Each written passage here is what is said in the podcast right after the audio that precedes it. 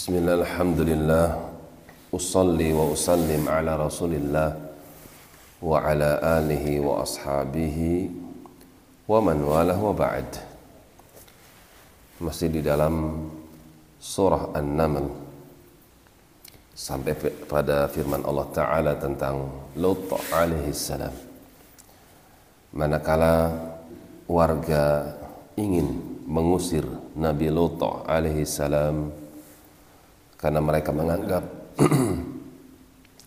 kalau Lut ini nggak bermasyarakat dan anggapan tidak bermasyarakat menurut mereka itu ketika tidak membiarkan kebiasaan yang terjadi di masyarakat tersebut yaitu cinta sejenis laki dengan laki-laki perempuan dengan perempuan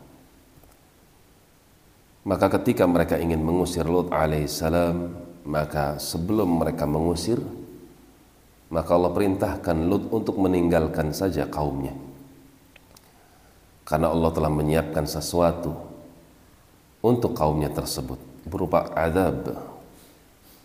Adapun Lut alaihissalam fa'anjainahu.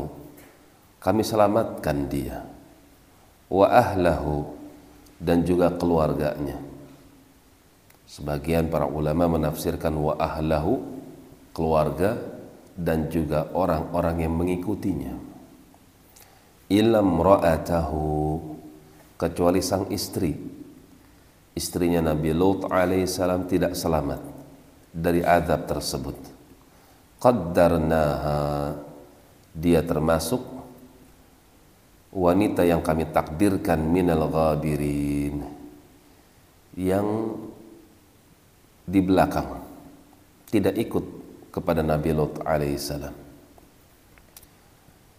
Apakah istrinya Nabi Lut alaihissalam terfitnah dengan cinta sejenis? Maka jawabannya tidak.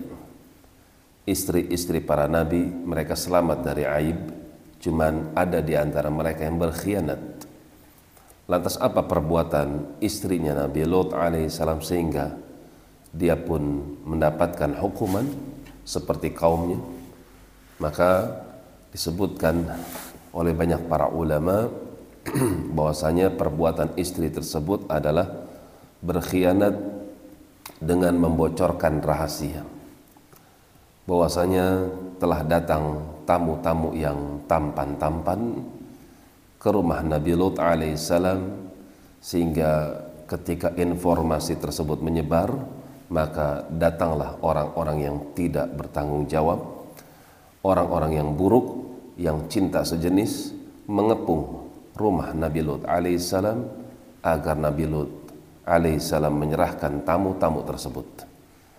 Maka Allah pun murka wa amtarna alaihim matara. Allah hujani mereka dengan hujan batu.